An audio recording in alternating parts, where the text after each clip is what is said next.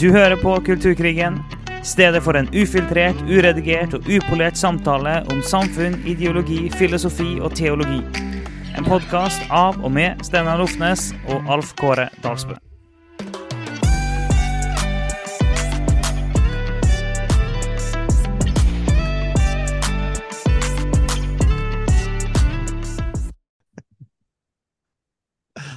Det er greit. Ja. Eh, Nei, vi skal ikke hoppe inn i det, men vi skal Du måtte eh, si det. Jeg, altså, jeg hadde bestemt meg for at jeg ikke skulle si det faktisk. Ja, ja, men det er, det er den nye. Det er en slags mellomfase, da. Der jeg sier at vi ikke skal hoppe inn i det. Og så på en måte neste gang er vi kanskje klare til å ikke nevne det i det hele tatt.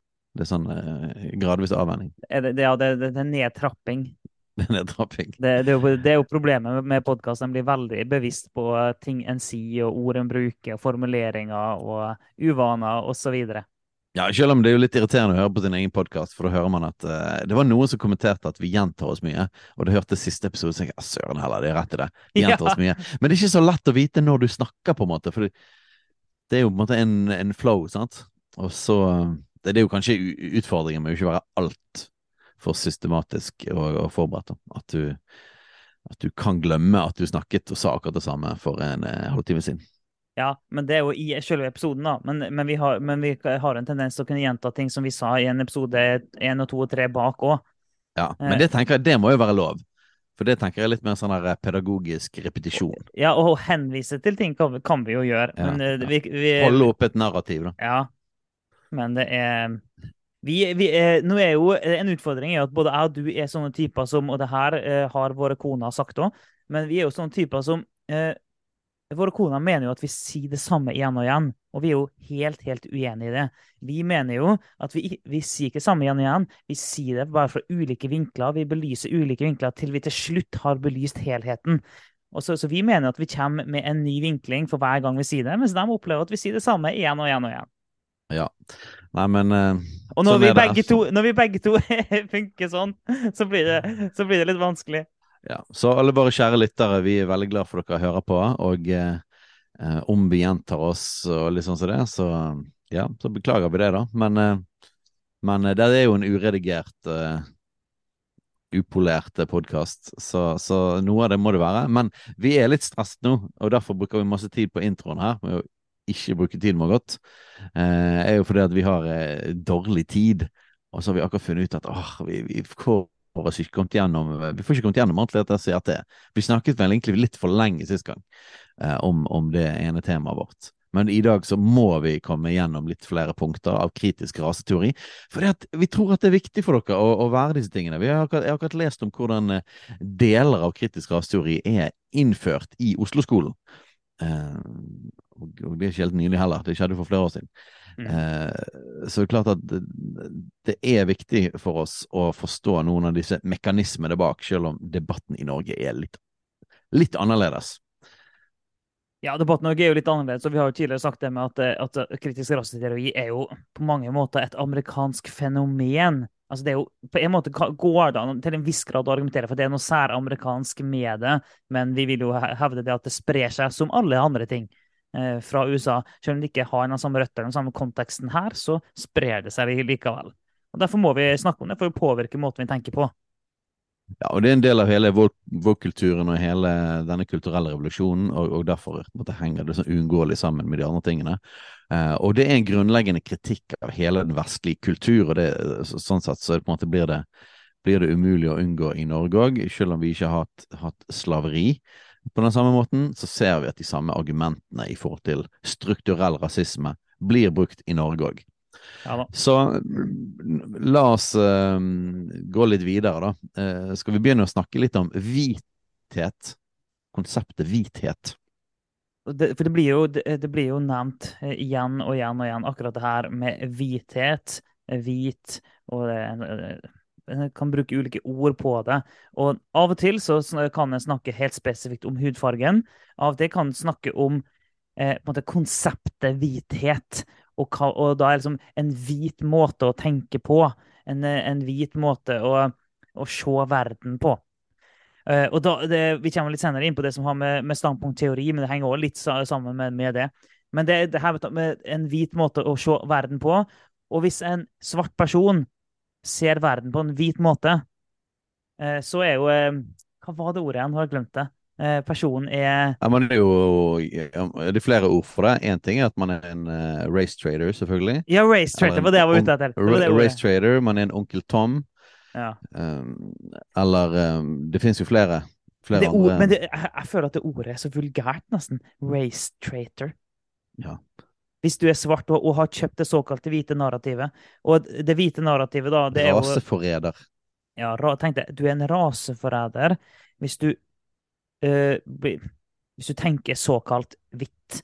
Men hva vil det si, da? Hva vil det, tenke, og, hva vil det si å tenke hvitt i, eh, innenfor denne ideologien? Eh, vi har jo det- Altså, det Det vil jo for eksempel si at du tenker at det finnes en objektiv sannhet. Det, det, det er en hvit måte å tenke på, at det finnes objektiv sannhet. Eh, til og med Og vi har jo tulla litt med det, men det, jo, men det står jo altså, helt sånn seriøst òg at det å kunne være eh, presis til avtaler, det er en hvit måte å tenke på. Eh, helt Objektiv sannhet, eh, vitenskap, um, samfunnsstrukturen, kjernefamilien, er hvithet.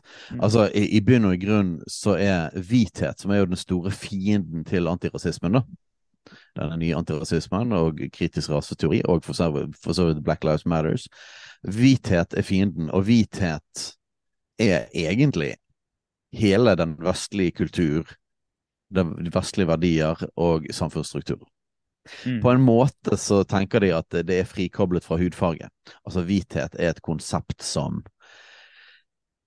som ikke handler om å være etnisk, en etnisk gruppe, men samtidig så sier man at alle hvite er totalt eh, på en måte eh, koblet til hvithet. Så hvis Ja, du er hvit, så er hvithet der. Så, du, så, så, så du, du kan ikke være hvit og ikke ha hele dette hvithetsgreiene. Eh, men det går an, som du sa, da, det går an å være farget og ha, har white complicency. Det er jo òg et annet begrep, ikke sant? At du er liksom eh, best, Disse begrepene, alle disse begrepene, de, de, de kommer fra de kommer fra marxisme, for så vidt, men de, det er òg begreper vi kjenner fra, fra andre verdenskrig og okkupasjon. Så dette med å jobbe med tyskerne. Sant? Ja, for det jeg tenkte. Jeg tenkte akkurat på- Kollaboratør. Ja, kollaboratør, eller bare medløper. Så jeg, jeg, jeg så for Ja. meg hv- hvit medløper når du sa det. Det, det, er, jo sånn, det er jo ord vi kjenner fra andre verdenskrig. det. Ja, Onkel Tom handler jo det om. Ehm, eller eh, ja, Det er vanskelig å si begrepene uten å bare House negro eh, er et begrep på eh, gjerne noen som var tjenere i herskapshuset til slaveeierne, sånn som hadde en høyere posisjon og var liksom sjef over de andre. og på en måte det sånn ja, hadde flere privilegier og rettigheter. da. Så ble sett på som en, som en, eh, som en forræder. Eh, så en raseforræder, eller Det blir det samme som en kollaboratør. Så det betyr at du kan være farget, på samme måte som du kunne jobbe sammen med tyskerne når Norge ble okkupert. Eh, så, så da var du nordmann, men du, var, eh, men du jobbet med fienden. Så kan du òg da være farget og ha hvithet. Men da blir det som en slags Da er du en eh, Da er det en sviker, da. Eh, så sånn sett kan du si at det er frikoblet fra farge, men samtidig er det ikke det, fordi at hvite er på en måte litt sånn uunngåelig koblet på hvithet. Så det er jo en form for eh, Ja, det er jo en raseteori. Det er jo en eh, Det er jo en raseteori. jo, og- eh, det- og det er jo en eh, rasistisk teori, da. Ja, ja, Ut fra et liberalt eller kristent, kristent tanken, så er det jo det. At du på en måte så uunngåelig er knyttet til et konsept eller en, en, en måte å tenke på, en struktur, bare av din hudfarge, og at du kan ikke slippe unna det, er jo en rasistisk teori. Ja da, og, og at hudfargen i seg sjøl er et problem, bare. Bare det har jo noen ganske kraftige rasistiske undertoner i seg. Eh, jo- vi, vi har ikke sagt det nå, men vi, vi må nesten si det. Hvis du hopper inn i denne episoden her som din første episode, så anbefaler vi deg egentlig å, å hoppe ut igjen. eh, Og, gå, og i alle fall gå høre de to foregående, for det, det, de henger sammen med den her. For nå gikk vi ganske sånn raskt inn Utenom en sånn eh, innledning i hva vi egentlig snakker om. Eh, så det, vi anbefaler da å eh, høre de andre. Det, det vil eh, gjøre denne episoden mye bedre. Men vi skal jo fortsette å snakke om, om, kritisk raseteori, mer om rasisme, og hva det er som er problematisk med det her. Og i forrige episode så var vi mye mer inn på hva Bibelen har å, å si til oss på det her, og vi snakker mye mer om, om en bibelsk forståelse av likhet og forskjeller og den typen ting. Og da men Vi snakker mye om det med equity. da. Og da forsøkte vi å vise til hvor det kristne verdensbildet ofte lander i midten og ikke ute i ytterkantene. Men vi har òg et behov for at nå at vi fortsetter litt på å vise til hva er egentlig kritisk raseteori, hvordan påvirker det oss i dag, hva er som er problematisk med det, og hvordan skal vi tenke om det. Ja, og sånn at vi kan avsløre når den, dette tankegodset òg sniker seg inn i Norge. Mm. Og at man kan Fordi at det, det farligste med kritisk rasteori, det er det at uh, antirasisme er en, en kristen verdi. Eh, som gjør det at så lenge du på en måte reklamerer for at det er antirasisme, så er det mye lettere for oss å, å gå med på noe som har en annen mm. ideologi i seg, og vi ikke, hvis vi ikke klarer å avsløre det eller skjønne det, uh, så, så, er det uh, så hele, Og Black Lives Matters-greien er egentlig det beste eksempelet på det. Fordi at når du lager et du lager et, et ord, eller et navn, som er at svarte liv betyr noe, så er det en selvfølgelighet for kristne og, og omtrent alle folk i Vesten å være med på det, av kristne og humanistiske mm. verdier. Så det er mm. sånn, selvfølgelig. Det er vi jo helt 100 enig i. Så fordi at vi er 100% enig i sloganet, ja. så tenker man at da må man jo være med på denne bevegelsen. Mm. Men så er utfordringen det at det kommer masse ting på kjøpet da, som, mm. som vi ikke kan gå med på som kristne. Så det er jo på en måte, og Når du blir satt i en situasjon der du enten så mener du at uh, svarte liv betyr noe, er viktig. Eller så mener du at svarte liv ikke betyr noe. Så, så da må du enten kjøpe en, eh, det som egentlig er kritisk raseteori i praksis, eller så må du være rasist. Og det er på en mm. måte en slags eh, eh, måte å velge Måte å bli presset til å velge ekstrem høyre eller ekstrem venstre på en måte som ikke er greit i dette. At det er en veldig manipulerende taktikk. Eh, og, og antirasismen, den nye antirasismen, bruker denne taktikken mer enn noe annet. Og det er, uh, og det er nok som... fordi at antirasisme er så dypt i, i kulturen vår, det er, så de spiller på lag med det. Ja, og det er jo, og det er jo derfor det vi sier at uh, Black Lives Matter, selv om den setninga støtter 100% så, uh, så, kan ikke vi gå god for uh, organisasjonen Black Lives Matter. Og, og den nye typen antirasisme, som vi gjerne sier, um, det òg er veldig problematisk for en kristen. Og det er jo fordi du får kritisk raseteori på kjøpet. Så hvis en kristen kjøper det og tar med seg kritisk raseteori, da blir det veldig problematisk. Så litt sånn, Det var jo litt sånn, hoppet vi tilbake og litt, forklarte litt mer det, det, større bildet. Men for å hoppe tilbake inn til hvithet, da. Um, jeg tok jo et kurs i kritisk raseteori, da. Um, online. På fem deler eller noe sånt som det. Og uh, da var jo en, en av uh, en av sesjonene var jo da hvithet. Så det er en ganske mm. sentral del av kritisk raseteori. Whiteness og, og as property, for, for, eksempel. Whiteness is property. Så, så hele, hele, tanken det, det, er jo et svært konsept, dette med hvithet, og vi har vært inne i det. Og jeg, jeg vil jo si at i bunn og grunn, hvis du koker det ned, så er det den vestlige kultur med hele vitenskapen, humanismen, liberalismen og kapitalismen på kjøp. Mm. Eh, så, så, så, det er på en måte det er hele den pakken, og det er hvithet. Eh, og de mener at hele det konseptet er rasistisk. Men, men, det, du, men det var viktig å få med deg det du sa med at når en snakker om hvithet, så snakker en i praksis i stor grad om det vi i dag kjenner som vestlige verdier og strukturer, samfunnsstrukturer og liberalisme. Det er langt på vei det ja. en snakker om når en snakker om hvithet.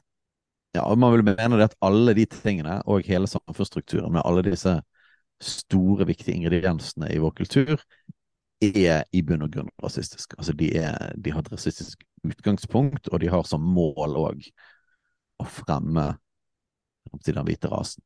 Mm. eh, på bekostning av fargene. Eh, så hele dette her, så white privilege er en del av, en del av konseptet hvithet. At vi At det å være hvit er liksom umulig å frikoble fra at man har et privilegium eller rettigheter. I motsetning til det å være farget, som er umulig å frakoble konseptet å være slave, da. Så man mener det at hele på en måte samfunnsstrukturen være basert på det. Um, så hvithet er på en måte motsetning til å være slave. Det betyr hvithet er det som gir deg rettighetene i hele samfunnet. Um, og uh, så whiteness is property, og der kommer det jo sånn marxistisk tankegang igjen, da. Alt dette er jo i stor grad marxisme, egentlig, bare brukt på konseptet rasisme. Um, så for de som kjenner marxismen, da, vi har ikke snakket så mye om den siden av det, men det er jo um, Marx mente jo det at eiendom var tyveri i seg sjøl. Så, så det, at, det at man eide noe, eller hadde eide bedrifter eller produksjonsmidlene, det var tyveri, og det var undertrykkelse. Uh, så det er på en måte en slags likhet der, da, mellom det å være hvit er det samme som ha eiendom, eller være, Mm. som å være på en måte kapitalist. da. Det av være privilegiene du har, da. og- Ja, så du, det både økonomisk og sosialt så er du på en måte i den klassen, kan jeg si, overklassen. Så hvithet er koblet til å være til de som har privilegier, til de som har rettigheter. Og da er det visstnok, uansett hvor fattig hvit du skulle være, så er du likevel en del av det systemet. Så whiteness eh, hvis man hører det begrepet, og jeg tipper det at vi vil, vi vil høre det litt og litt mer, det vil helt sikkert komme nye runder med debatt rundt rasisme. Nå er det jo for så vidt én i for, forbindelse med det eh, Atle Antonsen gjorde eh, på denne puben. Eh, og nå har han kommet tilbake igjen på radioprogrammet, sånn, så det går- en liten debatt rundt det da med kansellering og Mm. eh, Ja. Men jeg har ikke hørt ennå akkurat det dere snakket om hvithet og sånne ting, så det, men, men eh, i forhold til debatten rundt urfolk og sånne ting, så kan det komme opp. Men jeg bare vil at for, ja, folk skal være bevisst på hele konseptet hvis man snakker om hvithet. Hva er det for Mm. noen ting? Mm. Um, og det er jo egentlig da en kritikk av hele den vestlige kultur. Uh, og det vil være problematisk for uh, en med kristne eller humanistiske verdier å kunne henge seg på en sånn måte å tenke på. Ja, for det, det, Bibelen lærer oss ikke å, å bry oss om hudfarge. Eh, Og eh, kritisk raseteori vil jo si at eh, vil jo si at fargeblindhet er rasistisk. Altså at du ikke vil forholde deg til hud, hudfarge. Mens vi vil jo si at Bibelen definitivt er fargeblind. Og fargeblindhet er en kristen måte å se verden på, vil jo vi hevde. Eh, Men det blir jo sagt at, eh, at fargeblindhet det er rasistisk, for du må være bevisst på farge. Du, du, du er helt nødt, og det er helt kritisk for hele ideologien, for hele virkelighetsforståelsen, at en må være bevisst på farge. Eh, og en snakker gjerne om, om sånn her racial consciousness, altså rasebevissthet. Og på samme måte, og vi har jo sagt flere ganger at det her er eh, egentlig bare en dypt marxistisk eh, ideologi egentlig. Den har akkurat den samme oppbygninga strukturen. På samme måte som eh, en marxist kan ikke være klasseblind. Altså, en, eh, du, du er ikke marxist hvis du ikke bryr deg om klasse. Og så på samme måte så, så kan du ikke da, da være en god antirasist, eh, og du kan ikke forfekte det her måten å se verden på hvis du da er fargeblind. Så du er nødt til å være bevisst av farge, på samme måte som en marxist må være bevisst av klasse. Og det er helt avgjørende for hele ideologien, for å forstå hvem som er undertrykt, hvem som undertrykker, for, og det er helt avgjørende for argumentasjonen mot hva det er som er problemet, og hva som må rives ned, og at systemet må forandres. Og hvordan forandrer du systemet i marxisme? Jo, du vil ha revolusjon. Hvordan forandrer du systemet i kritisk raseteori? Jo, du vil ha revolusjon der òg. Og, og da får du denne kritikken av liberalisme som du har nevnt flere ganger der liberalisme vil ha en gradvis forandring, men den, det er jo flere ting her. For den, den gradvise forandringa er jo et problem av flere årsaker. Men det er òg et problem pga. det vi har med eh, på engelsk side gjerne sånn interest convergence. Med at eh, OK, du får gradvis endring, men kanskje får du ikke endring i det hele tatt. Kanskje det er bare overfladisk endring. Fordi at en tenker at de endringene som skjer i et liberalt, eh, såkalt hvitt vestlig samfunn, det er en endring som, ba, som bare skjer hvis det tjener den hvite. Hvis det er til fordel for den såkalte hvitheten, da vil det skje en endring. Og så, vi, og så Helen fast Det vil bare være en overfladisk endring? Ja, det, da vil det bare være en overfladisk endring. Så det er sånn, Uansett om ting tilsynelatende går i positiv retning, om det er ting som vi da eh, Vi, vi, vi kan tenke at det her er veldig positivt. Men i kritisk rasseteori så vil en ikke anerkjenne at det er positivt. En vil bare si nei, det her er bare en overfladisk endring, for det, det, tar ikke røttene og hva er røttene? Jo, det er hele systemet. Så for å røske opp ja. røttene, så må en da røske opp i hele systemet. Ja, det er jo så, så troen på, og som er den viktigste delen av kritisk rasteori, nemlig at det er strukturell rasisme, at hele strukturen er rasistisk, og det er koblet på det hvithet. Altså hele systemet er undertrykkende i seg sjøl. Så skal du endre dette problemet, så må du rive ned systemet. Så alle ting som sånne som eh, gradvis forandring, for eksempel, hvorfor er det negativt? Nei, for det første, hvem er det som tjener på gradvis forandring? Det er jo på de folkene som da eh, ikke er undertrykt. De som er undertrykt nå, de tjener jo ikke på gradvis forandring, sier de. For dette, det, det, det, betyr jo bare at det tar lang tid før du blir fri. Eh, så de vil heller se på det som en slags uthaling. Mm. At du liksom sånn her eh, prøver å hindre Men avledning òg, nesten. Prøver å få lov til å Ja, ja du prøver å hindre eh, frigjøring av de undertrykte så mye som du kan. Eh, og at det iallfall skal gå seint. Det er på en måte liberalisme og gradvis forandring. Så de vil si sånn Ja, men, jo, men det har blitt bedre og bedre de siste hundre årene. Det har blitt bedre og bedre de siste tiårene. Er ikke det bra, da? Så sånn gradvis forandring og liberalismen. Eh, det, det, og da snakker vi jo liberalismen som egentlig hele det politiske systemet her. Nesten hele spekteret av politiske partier. Um, og, og, og, hvem er det som tjener på det? Og, og så er det den interest convergence-greien, som er litt sånn kyniske tolkningen av hvis det er forandringer, er det egentlig forandringer i det hele tatt? Er ikke det egentlig bare for å lure folk eh, og late som at det blir bedre, sånn at folk blir mindre rasebevisste? Sant? For eksempel, man kan si at det er ikke det fantastisk at eh, Obama, en eh, farget ble president i USA, sant? At du, fra, fra slaveri til toppen, liksom, så vil, så vil en, en kynisk kritisk rasteoriperson si det at nei, det er en uh, avledning. Mm.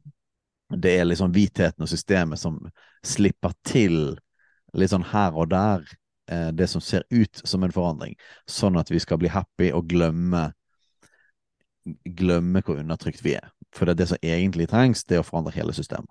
Det, det, når vi sitter og snakker om det, så bare innser jeg den eh, klare parallellen da, til og det er ikke så rart, men eh, til eh, nymarxisme. Og når Marcuse, som eh, snakka om det problematiske eh, sånn, Han flytta til USA, bodde i et eh, USA som virkelig var på vei oppover, og der det var skikkelig velstand. Ting alle piler peka oppover. Det var virkelig godt å leve der rent sånn materielt. Og Likevel så, så, drev han og hans gjeng og påstod at det var det mest undertrykkende samfunnet som noen gang hadde vært. Det var et forferdelig samfunn å leve i.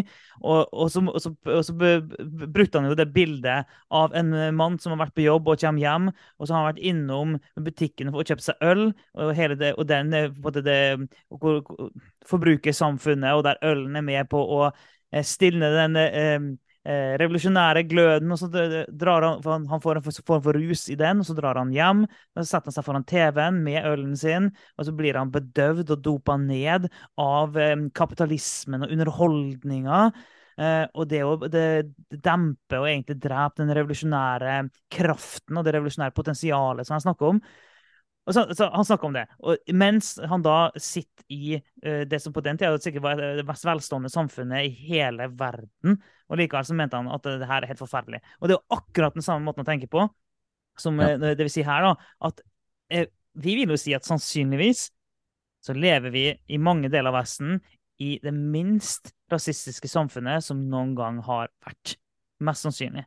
Jeg vil hevde det. Det, det, er, og selv det, det kan virke som at det er mer rasisme i dag enn det var før. Det har jeg null tror jeg på. Og hvis du virkelig går inn og tenker at objektiv sannhet faktisk er en størrelse vi skal forholde oss til, og du virkelig går inn og ser på eh, holdninger til folk og statistikker og sånn Det har aldri vært så lite rasisme som i dag. Men en har samme måte å tenke på. Nei, nei, nei. nei, nei. Eh, det, er, det, det stemmer ikke. Så selv om vi lever i et samfunn hvor det aldri har vært så lite rasisme Nei, har, det har aldri vært så mye rasisme, blir det sagt. Det har aldri vært så undertrykkende. Og det, og det revolusjonære potensialet, det blir ødelagt. Så nå må vi gjøre noen grep her for å få det fram. Ja, og dette er faktisk en Dette er essensielt i marxismen, og, og, og egentlig hele denne kulturelle revolusjonen. Så er det det at hvis du er en revolusjonær bevegelse, så, så er du totalt avhengig av å skape et bilde om at alt er fælt. Ja. Det samme gjelder jo klimabevegelsen. Eh, så, så, hvis du skal føre til hvis, hvis, du skal på en måte mobilisere folk til radikal forandring og en slags revolusjon, så må du få folk med på at, at ting er grusomt. Mm. Og eh, eh, så alle på en måte statistikker eller, eller, hint om at ting faktisk ikke er så fælt, eh, det dreper jo fullstendig, dette. Mm. Um, og, og nå fikk jeg veldig lyst til å hoppe inn i klimadebatten, men det, det, får vi ta en annen gang. Men, men men det er på en måte sånn igjen Det går igjen hele veien. Og Hvis du tar tilbake igjen til Marx, da, så, så var dette med at religion er opium for folket. Sånn at uh, det var utrolig farlig at folk var kristne i arbeiderklassen. Fordi at da da begynte man å tenke på en annen måte, og ikke se seg selv som undertrykt. Man begynte å tenke på himmelen, og man tenk, tenkte på at, uh, å gjøre sånn som Jesus, at selv om folk undertrykte deg, så skulle du behandle de godt tilbake igjen. Du skulle ikke være med og styrte systemet, du var imot vold, du var imot opprør. Uh, så det tok vekk hele det revolusjonære potensialet, som gjorde det at det Marx da så som den, det undertrykkende systemet, det, det forble hvis folk fikk denne her opiumen, som var religion, som døyvet ned. På samme måte så kan du, kan du se at nymarxistene tenkte om på en måte materialismen og kapitalismen og eh, middelklassen forbrukersamfunnet var den samme neddopningen. Eh, og på samme måte i kritisk raseteori så tenker man det at eh, liberalismen eller troen på, på, på, den gradvise forandring, og at det faktisk eh, blir bedre og bedre, og, og fargeblindhet og sånne ting, det er med å forblinde folk og mm. døyver folk ned, sånn at det rasistiske systemet forblir. Uh, så vær alltid på vakt på på en måte litt sånn her uh, stat, statistikker eller en måte å, å, på en måte snakke på uh, som ikke henger sammen med virkeligheten. Og, og, du er glad at selvfølgelig er det mindre rasisme enn det noen gang har vært. Både den, den humanistiske filosofien har preget Vesten i flere hundre år. Eh, det kristne menneskesynet har preget Vesten enda lenger. Eh, det har vært systematisk arbeid for eh, å mot, motarbeide både slaveri og oppheve slaveri, og gradvis forbedre lover, endre regelverk og sånne ting for å ta vekk rasistiske lover. Det har vært en kjempeoppvekning etter andre verdenskrig og Eh, den rasistiske ideologien på den tiden. Husk det, dette er jo òg en rabbit trail, men husk det at den jevne nordmann var ganske rasistisk, selv om de jobbet mot nazistene. Mm. Eh, den jevne nordmann var hovedsakelig De syntes nok at, at konsentrasjonsleirer sånn var langt, langt, langt uh, altfor drøyt, men veldig mange var antisemitter, og, og, og de fleste nordmenn jobbet hovedsakelig mot nazistene fordi de ble okkupert. Det hadde vært akkurat samme om det var kommunistene som okkuperte det i forhold til nazistene. Det var hovedsakelig motstand mot okkupasjon. Men rasistiske eh, En rasistisk måte å tenke på var jo kjempevanlig på 30-, 40-, 50-tallet i Norge. Og det er jo bare å huske tilbake igjen til hvordan dine, dine besteforeldre eller generasjonen før der igjen snakket om disse tingene. Eh, og det er basically Hvorfor, hvorfor tegner jeg opp dette bildet? Nei, det har vært en radikal forandring i måten vi har tenkt på eh, i Vesten. En radikalt antirasistisk utvikling. Eh, og, og, og, hele andre verdenskrig førte jo til en oppgjør med rasisme på en veldig dramatisk måte. Veldig bra. Mm. Eh, som òg har vært med å forandre kulturen vår. Og i tillegg til det så har vi da globaliseringen som har ført til en mye mer kontakt eh, mellom folk fra alle mulige etnisiteter. Eh, internett og teknologi og media som har gjort at vi, vi, føler så mye mer med, vi kommer så mye nærmere til hele verden, og innvandring. Og enten man mener det er for mye eller for lite eller passe, eh, så har det ført til blanding av kulturer og folkegrupper som gjør at vi er mye, mye mer vant med eh, forskjellige hudfarger og forskjellige kulturer enn vi noen gang har vært eh, i denne delen av verden. Så, så, så, rasisme er nok på en all time low i Vesten. Eh, og det er jo vi som kanskje har den største kulturblandingen òg, eh, mm. på grunn av velstanden har, har, ført til at folk fra alle deler av verden kommer til Vesten. Så vi er mer vant med det. Vi er vant med å spise gyros, vi er vant med å spise kebab. Vi er, vi er, vi er vant med hiphop, vi er vant med Altså, vi har en, et multikulturelt samfunn, ja, og er preget av utrolig mye. Vi, vi, har det, eh, og så er det faktisk forskjell på det å for å si sånn, Det er forskjell på rasisme og, og, det å kunne være litt sånn usikker eller skeptisk til ting en ikke er vant med. Eh, det er ikke, det er ikke, eh, det er ikke automatisk rasistisk å være litt sånn Være litt usikker på en kultur du aldri har vært borti før. Være litt usikker på, på, på diverse ulike uttrykk som du aldri har vært borti før. Altså, det å være usikker på det, eller til og med det å kanskje ikke like det, er ikke rasistisk i seg sjøl. Det, det, er forskjell på det, og det må vi jo kunne holde oppe Eh, at det er Tenk hvor stor avstand det var før, da. Altså, la oss si at man nå måtte føle seg usikker på det. At, men det er jo fordi vi er i nærkontakt med det. Mm. Og fordi at vi opplever det mye mer enn før. Um, men tenk deg for noen generasjoner siden, når du aldri hadde opplevd det, hvis de plutselig ble satt i den situasjonen. Hvor, hvor mye merkeligere hadde det ikke vært for dem, og hvor mye mer mot disse folkene hadde ikke vært enn vi som er så påvirket ja. eh, av alle disse tingene. Og jeg mener jo at, at disse tingene er positive. Jeg syns jo at denne kulturblandingen det har selvfølgelig store utfordringer med seg òg, men i forhold til det med menneskesyn og at Gud har skapt alle mennesker eh, med lik verdi, og for det å forstå forskjellige kulturer, ikke bare bli totalt nedgravd i vår egen kultur og guddommeliggjøre den, så, så syns jeg at denne utviklingen de siste hundre årene, og kanskje spesielt etter andre verdenskrig, har vært veldig positiv for oss som mennesker. Men å påstå at vi lever i mer rasistisk tid nå enn det vi har gjort før, er jo bare fullstendig historieløst. Det er det. Men eh, vi må, i denne episoden her så må vi rekke å si litt mer av det som har med standpunktteori å gjøre. Fordi at det, eh, når ja. hvithet er problemet, og hvithet er systemet som må rives ned, da ligger det jo på implisitt òg det at det, eh, svarte må få lov til å komme opp. Og, det, og det, det kan en jo opprettholde hvis en har en rasebevissthet.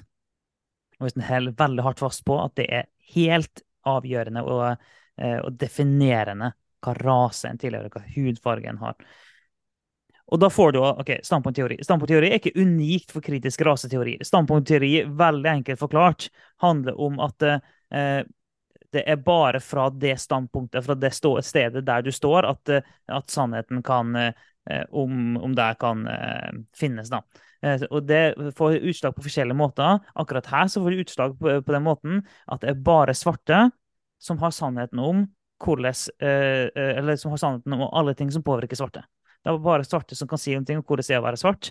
Og, men du, du, opplever akkurat det samme sånn, i abortdebatten. akkurat det samme. Det er bare kvinner som kan få lov til å uttale seg om abort. Det, så det, det, du ser det andre steder òg, den måten å tenke på. Men det er jo en eh, ja det, det, er jo, det, er jo, en postmodernistisk måte å tenke på. At det er en sjøl som, eh, som, er den som definerer hva som er sannheten, ut ifra ens egen erfaring av virkeligheten. Og Det engelske ordet som ofte blir brukt da, er jo 'lived experience'. Det handler om akkurat det samme. Den, den erfaringa, den levde erfaringa du har, som er det som definerer sannheten. Og det er bare du som har den levde erfaringa, derfor kan ikke andre komme og si imot det. Og da blir det et problem da når hvite skal være uenige med svarte, så blir jo det sett på som et uttrykk for hvithet mot svarthet, og det blir dypt rasistisk i seg sjøl, og hvite kan ikke si noen ting som går imot en svart sin erfaring av virkeligheten.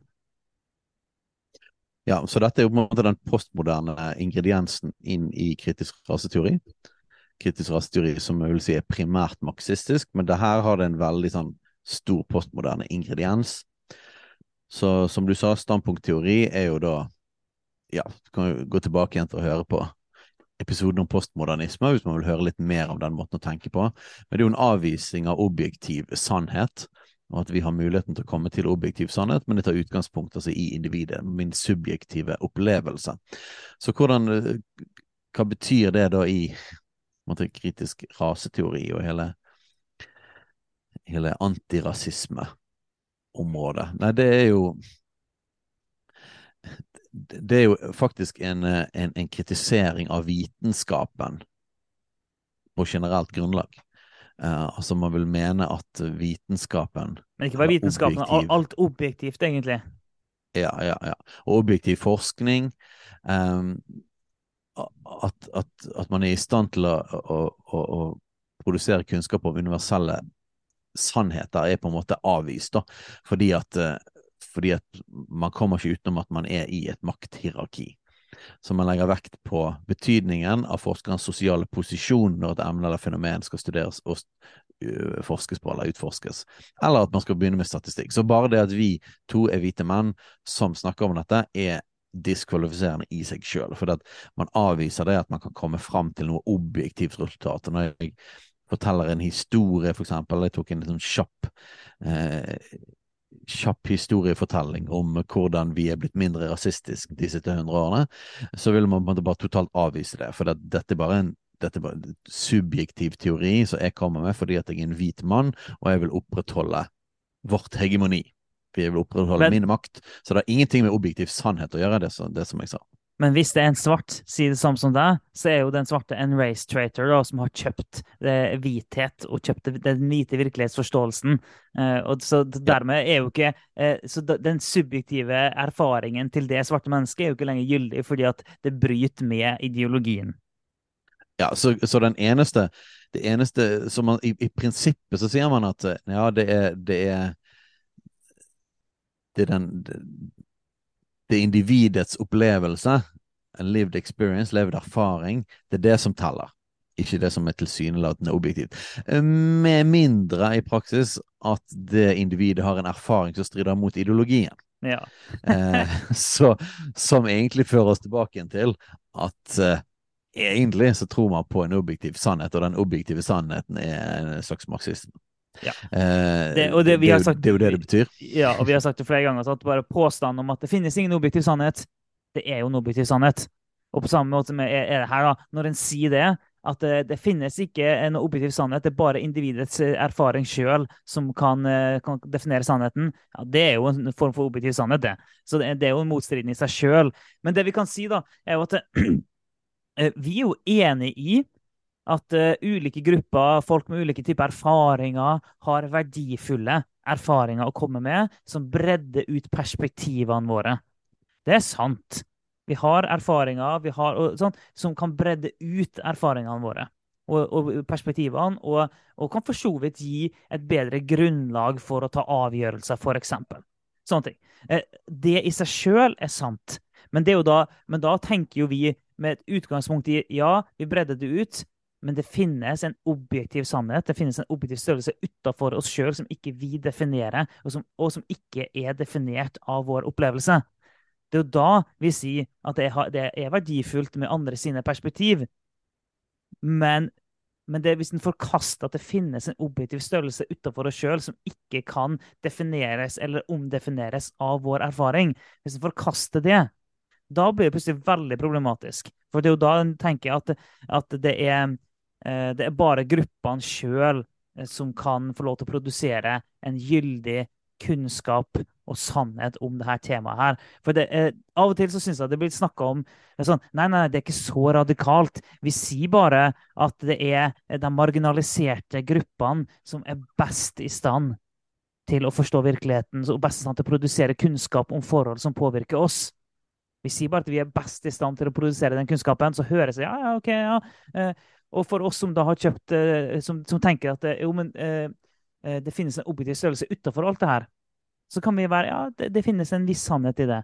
Men vi må forstå at iallfall kritisk raseideologi har forkasta tanken om en objektiv sannhet. Ja, og i praksis blir jo dette da brukt mot f.eks.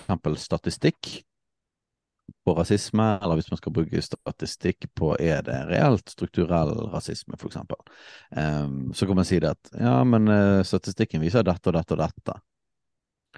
Ja, men uh, for eksempel, statistikken uh, viser at det er ikke mer sannsynlig at du blir skutt. Vi var inne på det.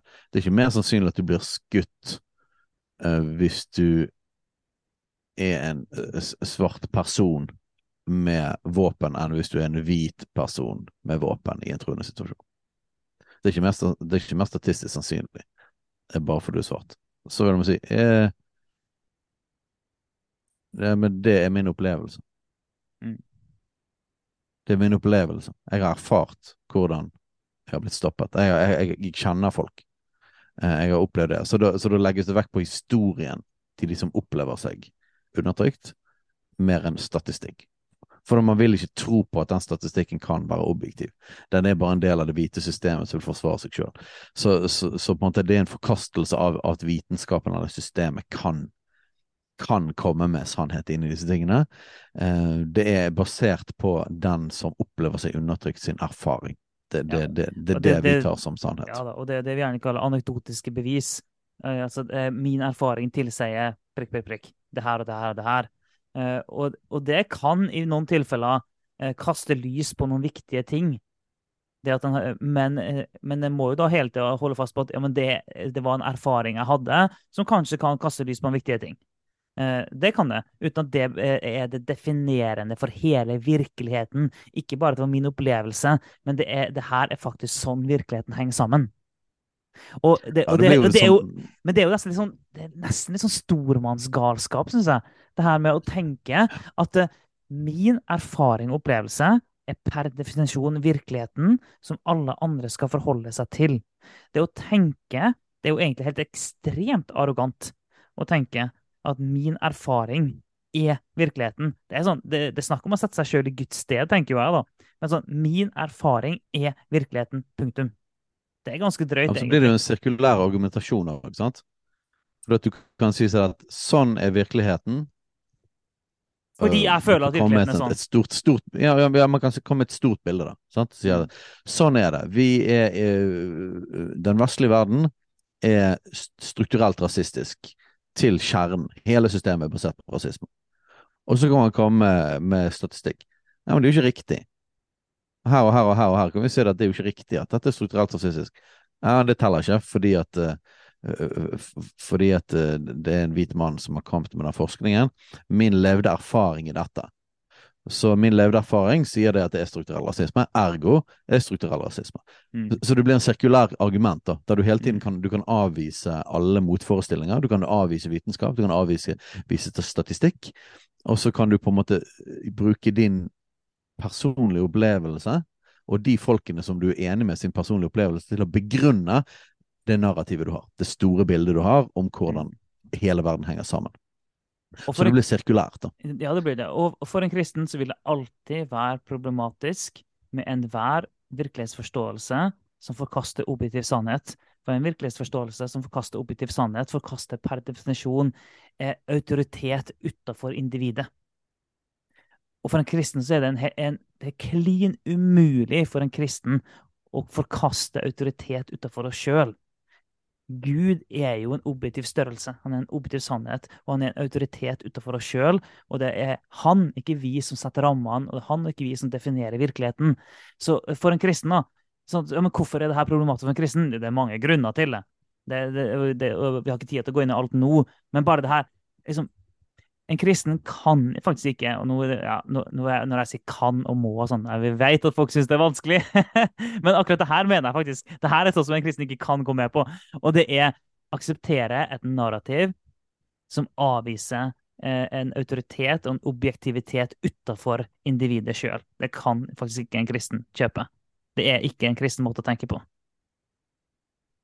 Ja, og jeg tror at selvfølgelig, selv om selv om den moderne vitenskapen har absolutt sine utfordringer. At det er klart det er individer inni der. Det er klart det at um, vår virkelighetsforståelse, våre meninger, kan påvirke vitenskap. Det tror vi jo. Altså, vi mener at det er 100% perfekt. Men å totalt avvise det som at det er en kilde til å komme fram til sannhet, Mm. Um, funker jo veldig dårlig òg for en kristen, fordi at vi tror at Gud har skapt virkeligheten, vi tror det fins en objektiv sannhet, og vi tror det at den virkeligheten Gud har skapt, er mulig å utforske. Det er det mulig å Mm. finne ut av. Det er mulig å systematisere den og lære av den.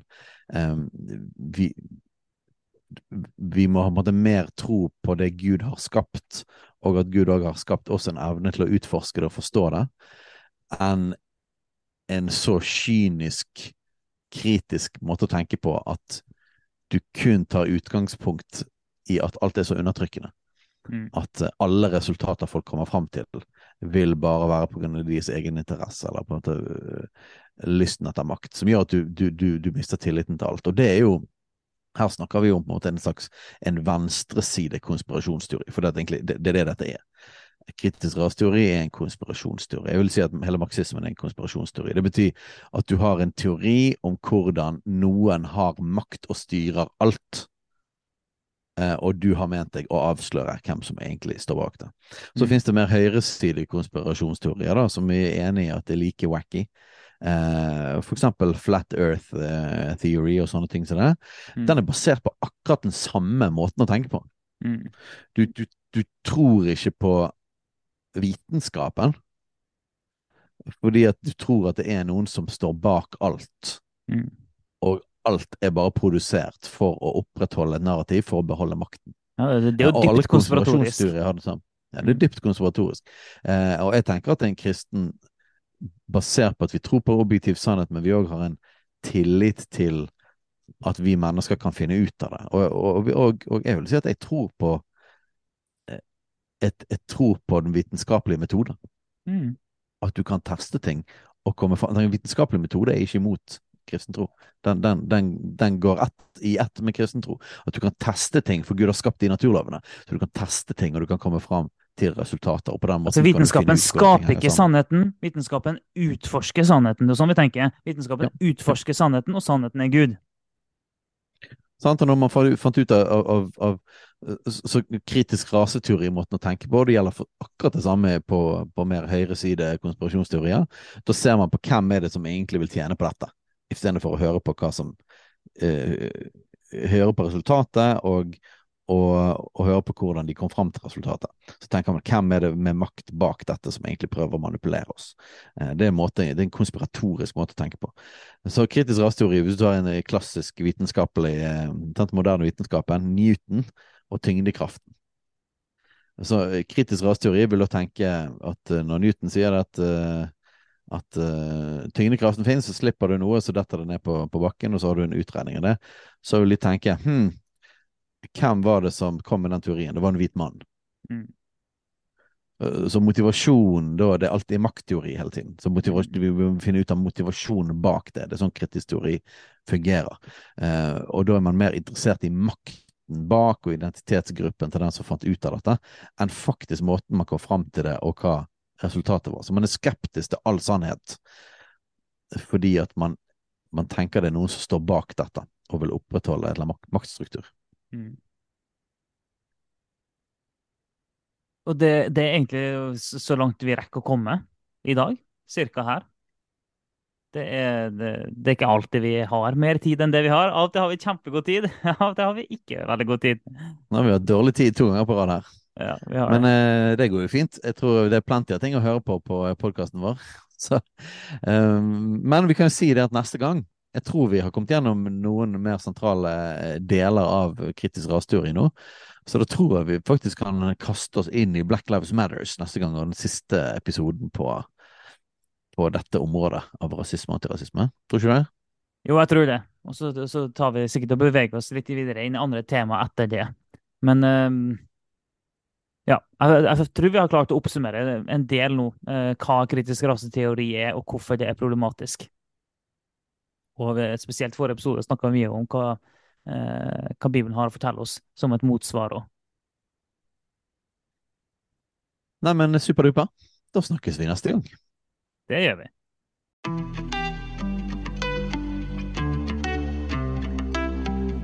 Takk for at du lytter på Kulturkrigen. Om du har tilbakemeldinger, spørsmål, hva som helst egentlig, send inn til post alfakrøll kulturkrigen.no eller på sosiale medier.